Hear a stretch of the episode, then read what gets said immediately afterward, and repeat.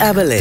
הטיפים, השיטות והמומחים שילוו אתכם בסיפור הזה של להיות הורים, עם רותם איזק, בשיתוף Life Babies.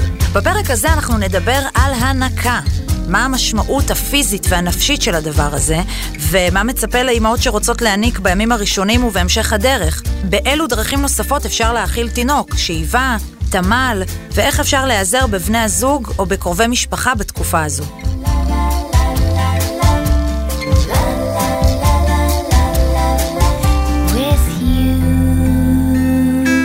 אה, שלום לנטלי לוין. שלום רותם. מדריכת הנקה מוסמכת ובעלת אתר ובלוג בשביל החלב. נכון. ואימא לשני ילדים. נכון. הרבה חלב זרם שם. הרבה חלב, הרבה דמעות. אני רוצה לספר לך רגע איזה סיפור אישי, באמת על, ה, על, על הסיפור שלי עם ההנקה, שהוא סיפור אה, מפתיע. אני אה, ילדתי את ברי, קצת לפני הלידה, אה, כששאלו אותי, מה תוכנית הלידה שלך? אה, אמרתי, מה זה מה תוכנית הלידה? בוא, בוא נקווה שאני אשאר מזה בחיים, ואם אני אשאר בחיים, תשימו לי ככה ליד הכוס מים, שאני אקבל בסיום הלידה את הכדור שמייבש את החלב, כי אני והנקה, זה לא מתאים. אני אישה עצמאית, אני רוצה לחזור לעבוד, אני רוצה לחזור לעשות ספורט, לא בא לי על כל הגודל הזה, כל הטפטופים האלה. לא יודעת. ואני לא יודעת אם זאת הלידה שהייתה קשוחה, אה, ואני לא יודעת אם זו העובדה שבורחתי בדולה, שהיא גם יועצת הנקה, והיא למעשה בורח. אה, ליוותה אותי בדבר הזה, אבל אה, הענקתי. זה כאילו, מה שנקרא, השפריץ ממני כמו החלב. כך גם אה, הרצון, ואגב, שהיה גם בהתחלה מאוד לא רציתי, כן? תוך כדי סבלתי נורא, וזה היה קשה, ואני חושבת שנשים, אה, עוד לפני הלידה, אה, בטח לידה ראשונה, לא מבינות עד הסוף את העניין הזה של הנקה. הנקה, אני חושבת שלא מדברים על זה מספיק, זו עבודה קשה. גם אם התינוק זורם, גם אם אין לשון קשורה, נכון? גם אם הוא מתחבר מדהים, זה עדיין עבודה שלך, וזה איזה מסע שלך עם עצמך. אה, ובכל מקרה הנקתי את הילד שלי עשרה חודשים ויומיים, ואני זוכרת את היומיים האלה, כי הוא פיטר אותי, זה היה נורא עצוב, ו... לא משנה. מה, מה שאני רוצה להגיד בכל הנאום אה, הזה, זה לא שאני מדהימה יותר ממישהי אחרת ש, שהחליטה לא להניק, כי זה לגמרי בסדר גמור, ואנחנו מכבדות כל אחת ואת הבחירה שלה, וזה באמת דבר קשה, זה באמת סיזיפי ותובעני. אני חושבת שכפי שאת לא יכולה לתכנן את הלידה שלך, כך את לא יכולה לתכנן את ההנקה שלך. את יכולה להחליט מלא דברים, את יכולה להחליט שאת רוצה ללדת בבריכה עם דולפינים ובסוף תגיעי לקיסרי, ואת יכולה להגיד לא אניק יום בחיי, ולמצוא את עצמך מניקה עשרה חודשים ויומיים. כן, בדיוק. אז בואי נתחיל. מתי האימהות של העידן שלנו פוגשות את סוגיית ההנקה בחייהן? לרוב, כשיש להן תינוק בידיים.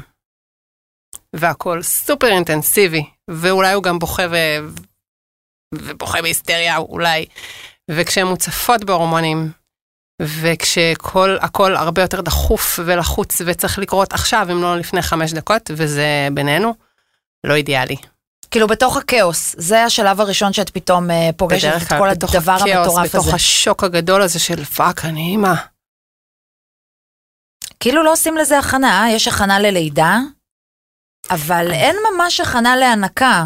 בדיוק, אני חושבת שבדיוק כמו שאנחנו יכול, יכולות ולא יכולות להתכונן ללידה שלנו, כלומר, יכולות ללמוד על הלידה, על שלביה השונים, מה לצפות בכל שלב, איך להתמודד עם השלבים השונים, מה הולך לקרות לנו מבחינת פרוצדורת בית החולים וכולי. בדיוק באותה מידה אנחנו יכולות וצריכות להתכונן גם להנקה כשהמוח שלנו עוד פנוי, כשאין לחץ של תינוק שנמצא כאן וצריך לאכול וצריך לבחור את כל הבחירות האלה בזה הרגע. אמ, לכן אני חושבת שהמקום אולי ל, ל, לעשות איזשהו תיקון, בוא נאמר, עם הנקה, הוא באמת להתכונן עליה לפני ולא לפגוש אותה בפעם הראשונה, וזה רובנו אגב, רובנו לא רואות תינוקות יונקים באמת. לפני שיש לנו תינוק משל עצמנו, ואם אנחנו כבר רואות, אנחנו לא מסתכלות, כי זה לא נעים, כי זה פרטי, כי זה שלה, כי אני לא רוצה להיות הקריפית הזאת שמסתכלת. אמ, מה שמוביל אותנו להגיע לדבר ההוקו חשוב הזה, כשאנחנו לא יודעת עליו דבר וחצי, לרוב. אנחנו יכולות לקבל החלטות ממקום אחר. ואני חושבת שהדבר המרכזי שהכנה להנקה יכולה לעשות, זה לתת לנו את כל ה... בוא נקרא לזה המפרט הטכני של כמה פעמים ביום, ואיך זה נראה כשזה תקין, והאם זה כן אמור לכאוב או לא אמור לכאוב, ואיך אני אדע שהוא קיבל מספיק. ואיך אני אתמודד עם הגודש שיגיע סביב היממה השלישית או הרביעית, את כל הדברים האלה, שזה יותר ברמה הטכנית, נוח יותר לעשות לפני שיש לנו תינוק, לפני שכבר הכל נהיה נורא נורא אינטנסיבי ומוצף רגשית. ואת החיבור עצמו, לתת לעצמנו את המקום הזה של כשכבר יש לי תינוק בידיים, אני יכולה להחליט אם זה מתאים לי או לא, אם אני מתחברת לזה או לא, ולעבוד על החיבור, לעבוד על התכלס, גם לנושאים של הנקה. ואם אנחנו מדברות על התכלס של התכלס, אז קודם כל, לדעת שתינוק נולד כשכל כולו, האינסטינקטים שלו מוכוונים לינוק. כי בשביל התינוק האנושי, הוא לא יודע שאנחנו במאה ה-20 והוא נולד בבית חולים ויש הריסות, ובסך הכל העולם מסביבו בטוח, הוא נולד כאילו הוא עכשיו נולד במערה. ומבחינתו, להיות על אימא ולהיות אה, על הגוף של אימא, להרגיש אותה, את האי הזה של הביטחון, ואם אפשר גם עם פטמה בפה, זה המקום הבטוח שלו. זה התינוק האנושי, לא סיפרו לו שאנחנו במאה ה-20. את זה הוא מגלה, ככה לוקח לו כמה שנים. ועם זאת, למרות שזה כאילו אינסטינקט אה, בסיסי של הבוטן האנושי הקטן הזה, זה נורא מאתגר. זה, אה, אה, את יודעת, נשים בטוחות, גם אני הייתי בטוחה שהם יוצאים, תופסים פטמה, והדבר פשוט קורה. בדיוק. וזה קורה מעצמו. אבל יש מלא אתגרים בדבר הזה. הדרך בין אה, אה, תינוק לתינוק שיונק כמו שצריך, שכל הדברים עובדים, זה לפעמים... לאימא בימים הראשונים שאחרי הלידה זה נראה כאילו כל הכוכבים צריכים להסתדר באיזושהי צורה ושמרקורי לא יהיה בנסיגה והוא גם יתפוס נכון וגם לא תהיה לשון קשורה וגם החלב יזרום וגם יהיה לי מספיק חלב, שתכף נדבר על המספיק חלב הזה. אז הדבר עצמו, האקט הבסיסי הזה, הוא נורא מאתגר והוא גם רווי בקשיים. אז מה, למה, למה זה בכלל קורה? למה יש אתגרים בהנקה אם הדבר הזה הוא כל כך טבעי, לינוק? אז ככה, הנקה היא באמת דבר טבעי, והיא הדבר שהביא אותנו עד הלום, כל כך הרבה שנות אבולוציה באנושות, ויחד עם זאת, זה כן פעולה שהיא נלמדת. אנחנו לומדות להעניק, התינוק אמנם נולד עם האינסטינקטים שלו, אבל הוא גם צריך קצת ללמוד לינוק. ולפעמים יש עוד כל מיני גורמים שהתערבו. הלידה, שאולי הייתה לידה קצת יותר ממושכת, אולי היא הסתיימה באיזשהן התערבויות, אולי הייתה פרידה בין האמא לתינוק בשעות הראשונות שלאחר הלידה, וגם באמת יש את הגורם הזה, את הגורם הנעלם הזה של איך אנחנו מגיעות לרגע שאחרי. אז נניח ולא הייתי פנויה במהלך ההיריון, התרכזתי בלידה, כי באופן טבעי זה היה זה, ה, בוא נגיד, הגורם המסובב שמוליך אותנו ב, לפחות בשני, ככה, טרימסטר אה, האחרון, אם לא יותר. אני רוצה לקחת אתכם, את המאזינות שלנו, ל... לאתגר שהיה להם בחיים. למשל, בואו נחזור קצת אחורה לתיכון. לפני מבחן בגרות, לא יודעת, בגרות במתמטיקה, לפני קורס סטטיסטיקה בתיכ... ב... בלימודים אקדמיים. את שומעת המון המון המון דברים על הדבר הזה, ומפחידים אותך, ומלחיצים אותך, ואומרים לך, וואו, סטטיסטיקה, וואי, תתכונני, את הולכת למות. אומרים לך, וואי, וואי, הבגרות בלשון, יואו, תחכי, חכי. ולפעמים כל המסע הזאת שהיא מסביב, שהיא לא בהכרח שלך, את מגיעה לדבר הזה ואת אומרת, אני, אני לא יודעת איך, אני כאילו, נראה, נגיע, ונראה איך אני אהיה עם זה. ולפעמים, כמו שלמדת את, וכמו שלמדתי אני, כמו שלומדות הרבה אמהות טריות בפעם הראשונה, לפעמים אתה פוגש את החוויה הזאת וזה באמת כאילו סופר קשה כמו שאמרו לך, ולפעמים זה לא, ולפעמים זה איפשהו באמצע. מה שאני מנסה להגיד זה שאנחנו לפעמים שומעות על משהו הרבה הרבה הרבה דברים מלכתחילה שאנחנו כבר מבישות על הדבר עצמו. יש נשים שבאמת זה בשבילם כמו באגדות. התינוק נולד, הוא מתחבר לשד, הכל מדהים, לא יודעת מה זה כאבים, לא יודעת מה זה פצעים. מי אתן? לא סבלו מגודש. מי אתן? הכל זרם מדהים. תתביישו. ויש אמהות שנאבקות יותר, והנקה עבורן היא יותר מאתגרת, ובאמת, אנחנו חיים uh, בעולם שבו המהלך הטבעי, בוא נקרא לזה, אנחנו כבר לא בשבט. אנחנו לא ראינו מגיל אפס נשים מניקות. בדיוק, אנחנו לא ישבנו וראינו את הדודה ואת האחות, ועזרנו נכון. וחיברנו, וראינו את הדבר הזה קורה בפועל. נכון, הלינק נשבר. אני חושבת שהחשיבות גם של הפודקאסט הזה, כן, זה שיש פה דברים שהם כאילו מדוברים, אבל הם לא באמת מדוברים. אנחנו יודעים שאישה מניקה, נכון? אנחנו יודעים שהנקה זה דבר אה, נפלא. אנחנו יודעות שיש הרבה נשים שזה עובד להן מדהים, ופחות מדברות על הקשיים. אז איזה אתגרים יכולים להיות? בואי בוא, בוא נפרק את זה, מה, מה כדאי לדעת מראש? כדאי לדעת מראש שתינוק באמת מצפה לינוק. אה, כבר מרגע הלידה אפשר להעניק, החלב ישנו, הוא שם. בימים הראשונים זה באמת כמויות קטנות שמתאימות גם לגודל הקיבה של התינוק האנושי שגדלה מיום ליום, אבל היא בגדול קטנה. אמ, ותינוק יונק מהרבה מאוד סיבות, הנקה עונה על הרבה מאוד מהצרכים שלו, גם כמובן רעב וצמא, אבל גם הרבה צרכים אחרים שהם צרכים שלא קשורים להזנה. צרכים שקשורים יותר לצרכים רגשיים, לתחושת הביטחון של התינוק, להרגעה. הפעולה עצמה של ההנקה מרגיעה את התינוק, החומרים שבחלב מרגיעים אותו, מרדימים אותו. ה skin to skin הזה, להיות קרוב לאימא. בוודאי, להרגיש את אימא, את החום גוף שלה, את הריח שלה, את uh, דפיקות ליבה כשהוא uh, קרוב uh, מונח בתנוחה המערסלת והמחבק הזאת של ההנקה. כל אלה משרתים אצל התינוק הרבה מאוד צרכים שהם מעבר לאוכל ולכן... זה בעצם מנגנון הישרדות, נכון? נכון, ולכן התינוק האנושי זה המקום שהוא מצפה להיות בו, לפחות בימים ובשבועות הראשונים, וזה מאוד מאוד טבעי והגיוני ונורמלי שתינוק יבקש לנהוג הרבה.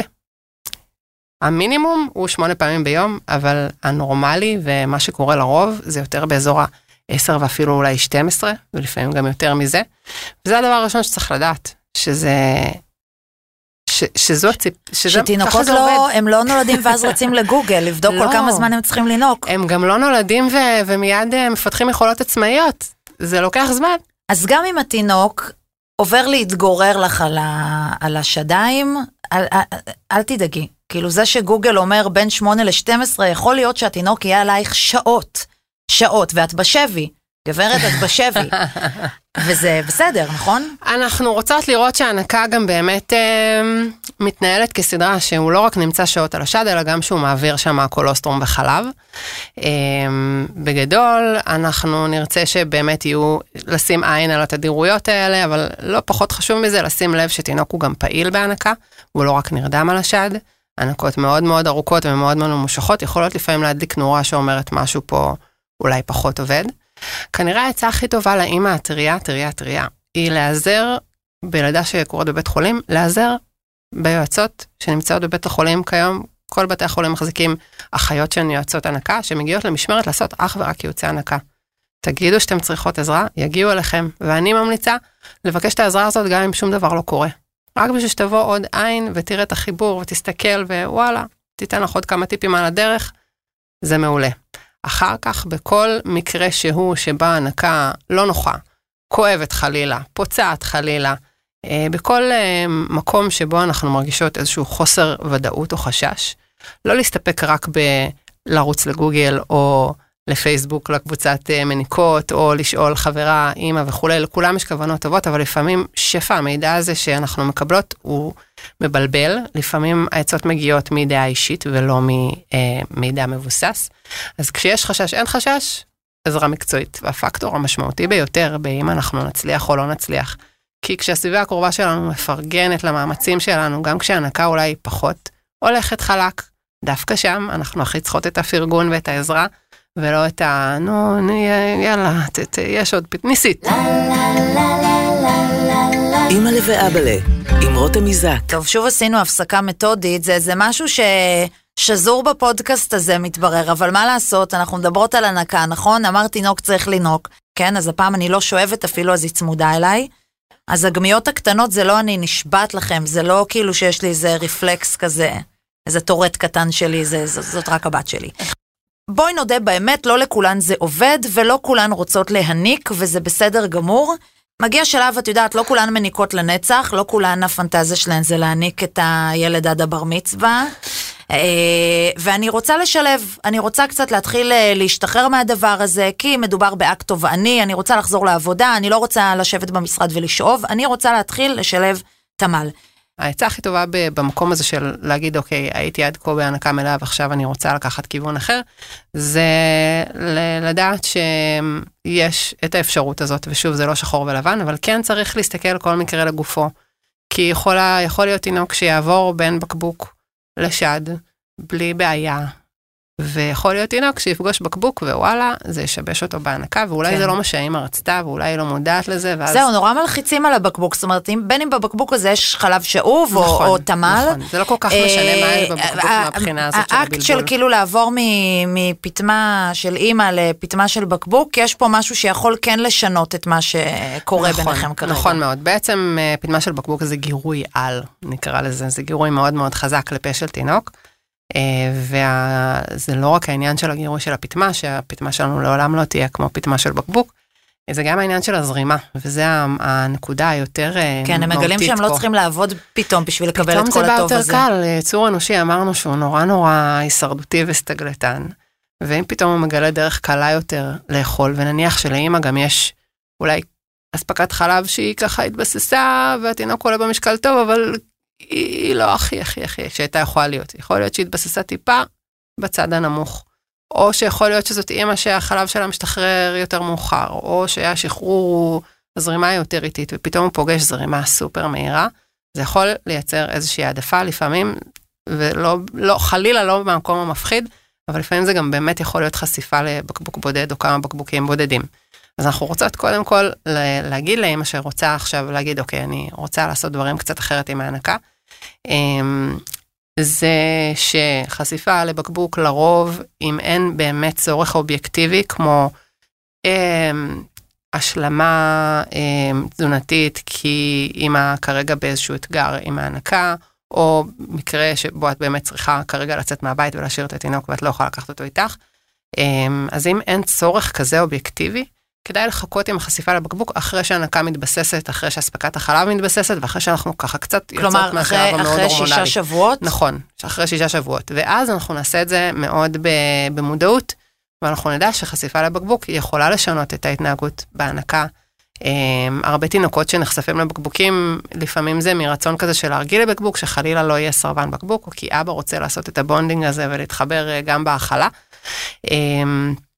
לפעמים חשיפה כזאת מייצרת uh, תינוק שהוא פחות uh, סבלני על השד ויותר מתנתק, ו- וזה מין מדרון כזה שמתגלגל uh, חלקלק ומתגלגל כמו כדור שלג, והרבה, ולפעמים זה יכול באמת להיות uh, מקום שאולי יקצר את ההנקה. אז uh, טוב, ובוא נדבר על מי שבאמת... Uh... לא הולך לה בהנקה, אוקיי? זה סיפור של uh, לא מעט נשים. מה, מה, מה עושה? נכון. אז uh, ברור שכשיש לנו איזשהו אתגר בהנקה, או בכל מקרה שאת uh, מרגישה שזה לא הולך, שזה לא זורם, או חלילה כואב, או נפצעת וכולי, אז הכתובת הראשונה היא תהיה יועצת הנקה, שתבוא ותיתן את, ה, את העזרה המקצועית. Um, והיה וקרה, וזה קרה, גם לי, שהיה אתגר הנקה. ולא הצלחנו לצלוח אותו. התינוק שלי, על אף כל מאמציי, על אף אה, שתי יועצות שונות, ועל אף שבאמת אה, בחירוף נפש רציתי להעניק, הוא סירב לנהוג. חוצפן הזה בגיל חודש וחצי, הודיע לי שהוא סיים, הוא רוצה לאכול אחרת.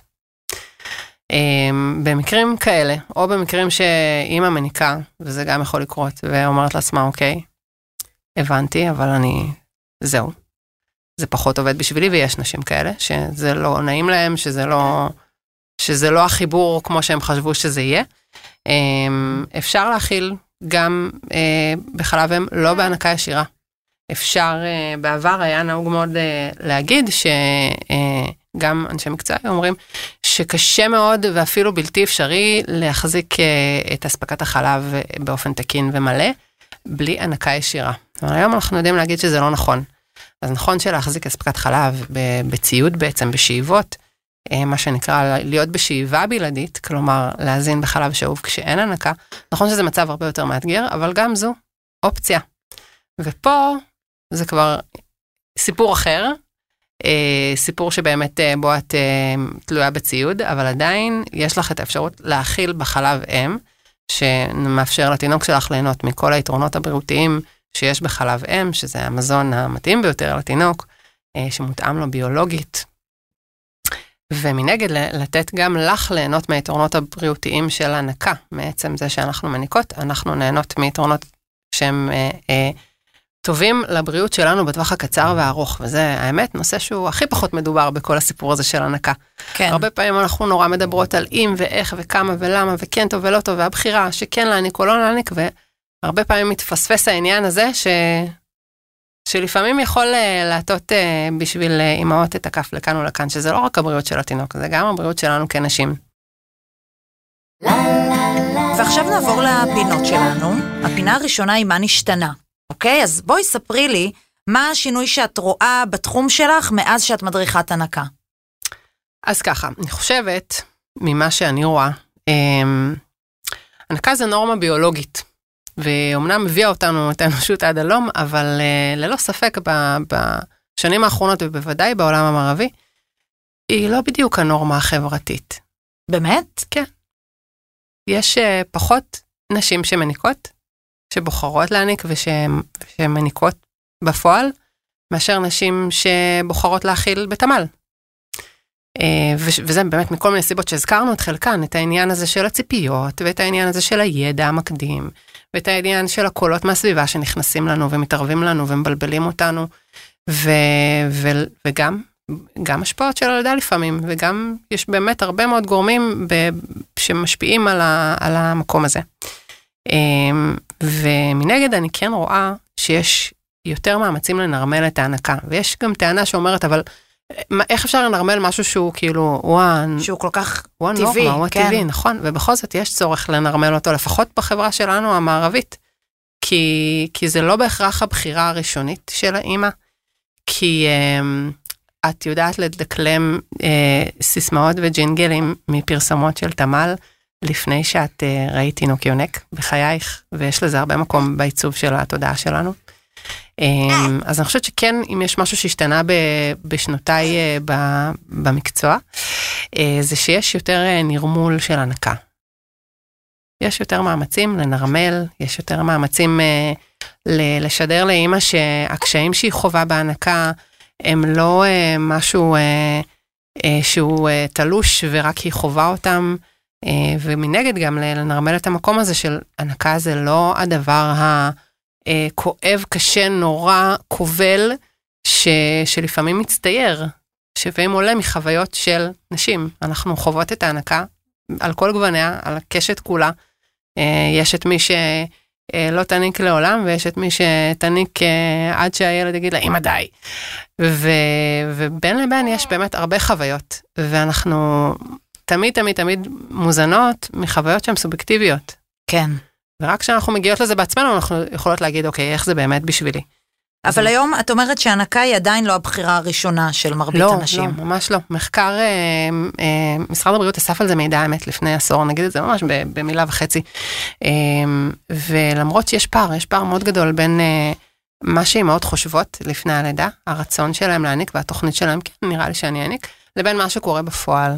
בפועל, אמרנו, כל הדברים האלה נכנסים ומתערבים ומשתבללים פנימה לתוך uh, מה שקורה לנו בימים ובשבועות הראשונים שלאחר הלידה, ובפועל, חודש ובטח ששלושה ו- ו- ושישה חודשים אחרי הלידה, רוב הנשים כבר ממש לא מניקות.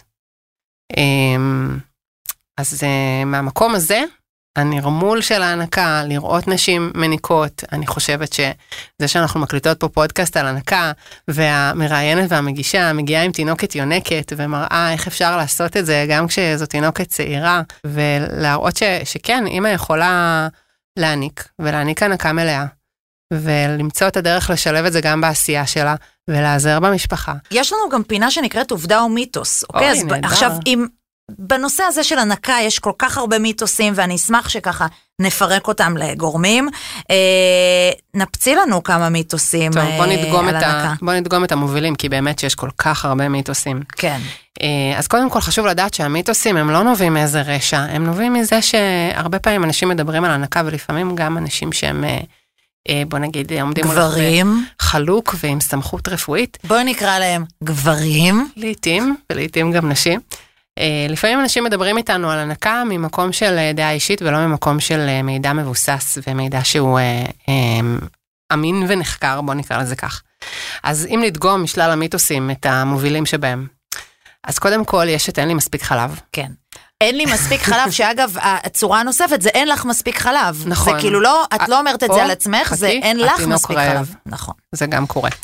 אמ, ושלא כל הנשים יכולות להעניק. אז אם אה, לפרק את המיתוס הזה ממש בקצרה ועל קצה המזלג, אז יש מעט מאוד נשים, יש פחות מ-5% מנשות העולם שיש להן באמת פיזית פחות רקמת שד שהיא מייצרת חלב. גם בקרב ה-5% האלה, הן יכולות להעניק כנראה בצורה חלקית, חלקן וחלקן ייתכן, אבל אחוזים בודדים בודדים בודדים באמת יהיה להם קשה מאוד להעניק. זה אומר ש-95% מהנשים יכולות להעניק ויש להם בסך הכל את הפוטנציאל לאספקת חלב מלאה. אבל יש את אין לי מספיק חלב שהוא קורה ממגוון סיבות. אה, מזה שבימים הראשונים באמת יש קולוסטרום ואין חלב, ואנחנו לא רואות אותו משפריץ, ואנחנו לא יודעות שהוא, שזה ככה, שזה כמויות קטנות וזה לא משפריץ. או שהתינוק נורא עצבני פתאום נכון, ונורא בוכה, ואז זאת אומרת, טוב, זה באשמתי, הרי הנה, מתחילות רגשות האשמה של האימא, שככה יוצאים ממך יחד עם השיליה, זה גם חלק, זה כאילו, אה, זה בגללי. נכון, החלב שלי לא מספיק טוב. עשיתי משהו לא בסדר, החלב לא מספיק טוב, לא מספיק שומני, לא משביע אותו, אבל הענקתי לפני חצי שעה והוא רוצה לנוק שוב, הוא כנראה רעב, אין לי מספיק חלב, ומכאן הדרך קצרה לקיצור ההנקה. אה, מיתוס נוסף שהוא סופר גדול, ואם כבר קצת דיברנו על נורמות ומה שמקובל ולא מקובל חברתית, זה העניין הזה של הנקה זה תלות, הנקה זה כואב, הנקה זה קשה. ודיברנו על זה הרבה בפרק הזה, שיש באמת מגוון של חוויות הנקה, ואובייקטיבית יש גם קשיים בהנקה. לפעמים יש קשיים, ואני חושבת שרוב האימהות המניקות יגידו, כן, ההתחלה לא הייתה קלה. אני יכולה להגיד על עצמי, נכנסתי להנקה בפעם השנייה כאשת מקצוע, וכן, גם לי היו קצת אתגרים בהתחלה. גם לי היו ימים של דמעות בבית עם תינוקת יונקת. אני חושבת שהמקום אה, שלנו הוא לומר שהנקה יכולה להיות כל מיני דברים, יכולה להיות מגוון דברים, אבל אם את פוגשת בנקודה שבה היא קשה לך, כואבת לך, אה, מרגישה לך אה, חונקת, אם את מקבלת את המילים הנכונות, את התמיכה הנכונה ואת העזרה הנכונה, זה יכול לשנות את התמונה. מה הטיפ הכי חשוב שתוכלי לתת לנו? תבחרי אחד. הטיפ הכי חשוב שאני יכולה לתת בהקשר של הנקה, הנקה, בוודאי בימים הראשונים, זה דבר אינטנסיבי. זה קורה הרבה פעמים ביום, ואנחנו לא רגילות לעומס הזה באזור השדיים והפטמות, וזה מרגיש לנו אה, כאילו יכול להיות שזה יהיה ככה לעולם. אז הטיפ שלי לנשים שפוגשות הנקה בימים הראשונים שלה, זה לדעת שהאינטנסיביות כרגע היא עצם זה שהפכת להיות אימא. Welcome to the club. תינוק, בוודאי newborn זה סופר אינטנסיבי. קחי את כל העזרה שאת יכולה מסביב, תפני את עצמך, תפני את עצמך להחלים מהלידה, תפני את עצמך להכיר את הפלא הזה שבראת, תפני את עצמך לנוח, תפני את עצמך להעניק, תפני את עצמך. כן, בדיוק. אה, נטלי, תודה רבה לך. תודה, אה, רותם. מדריכת הנקה מוסמכת, כבר אמרנו, ובעלת האתר והבלוג בשביל, בשביל החלב. החלב. נכון. בשביל החלב. בשביל החלב. כן. ולמה בשביל החלב? כי חלב זה גם בהנקה ישירה, וחלב יכול להיות גם בדרכים אחרות, כפי שאנוכי למדתי על בשרי. ועכשיו, הטיפ של אימא'לה. היי, אני לוטן מפתח תקווה, אימא לדון בן שנה, והטיפ המנצח שלי לגבי הנקה זה שאם את רוצה להעניק, תילחמי. תילחמי, אבל לא לבד. תדאגי שתהיה לידך יועצת הנקה, שתעזור לך ושתכוון אותך. את לא אמורה לדעת את הדברים האלה לבד. אני מהיום השלישי שדון היה בבית, הייתה יועצת הנקה שעזרה לי ובאמת הצילה לי את ההנקה. אה, חברות, אה, זה הזמן לסכם, נכון? אז אה, אמרנו שהנקה היא דבר טבעי, אבל היא כרוכה בלמידה. האימא לומדת את התינוק, התינוק לומד את האימא, וזה יכול לקחת זמן. אז לנשום. אה, כל צמד של אימא ותינוק הוא צמד ייחודי, מה שנכון לו, לא בהכרח נכון לצמד אחר. מאוד כדאי ללמוד על התנהגות של תינוק יונק לפני הלידה, כדי אה, שתדעי למה לצפות. וחשוב לדעת שבסוף להנקה יש אפשרויות האכלה נוספות, וכל אימא תבחר את מה שנכון לה ולמשפחה שלה. תודה רבה שהאזנתם לאימא'לה ואבאלה. אני רותם מזק, ואת הפרקים ניתן לשמוע בכל הפלטפורמות, באפליקציות ספוטיפיי, אפל וגוגל, ובכל אפליקציות הפודקאסטים המוכרות. מוזמנים ומוזמנות להגיב, לכתוב לנו שאלות שמעניינות אתכם, ולהיות חלק מהקהילה שלנו. נשתמע בפרק הבא.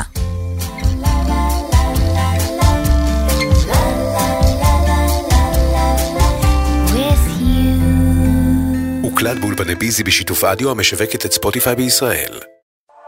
רדיו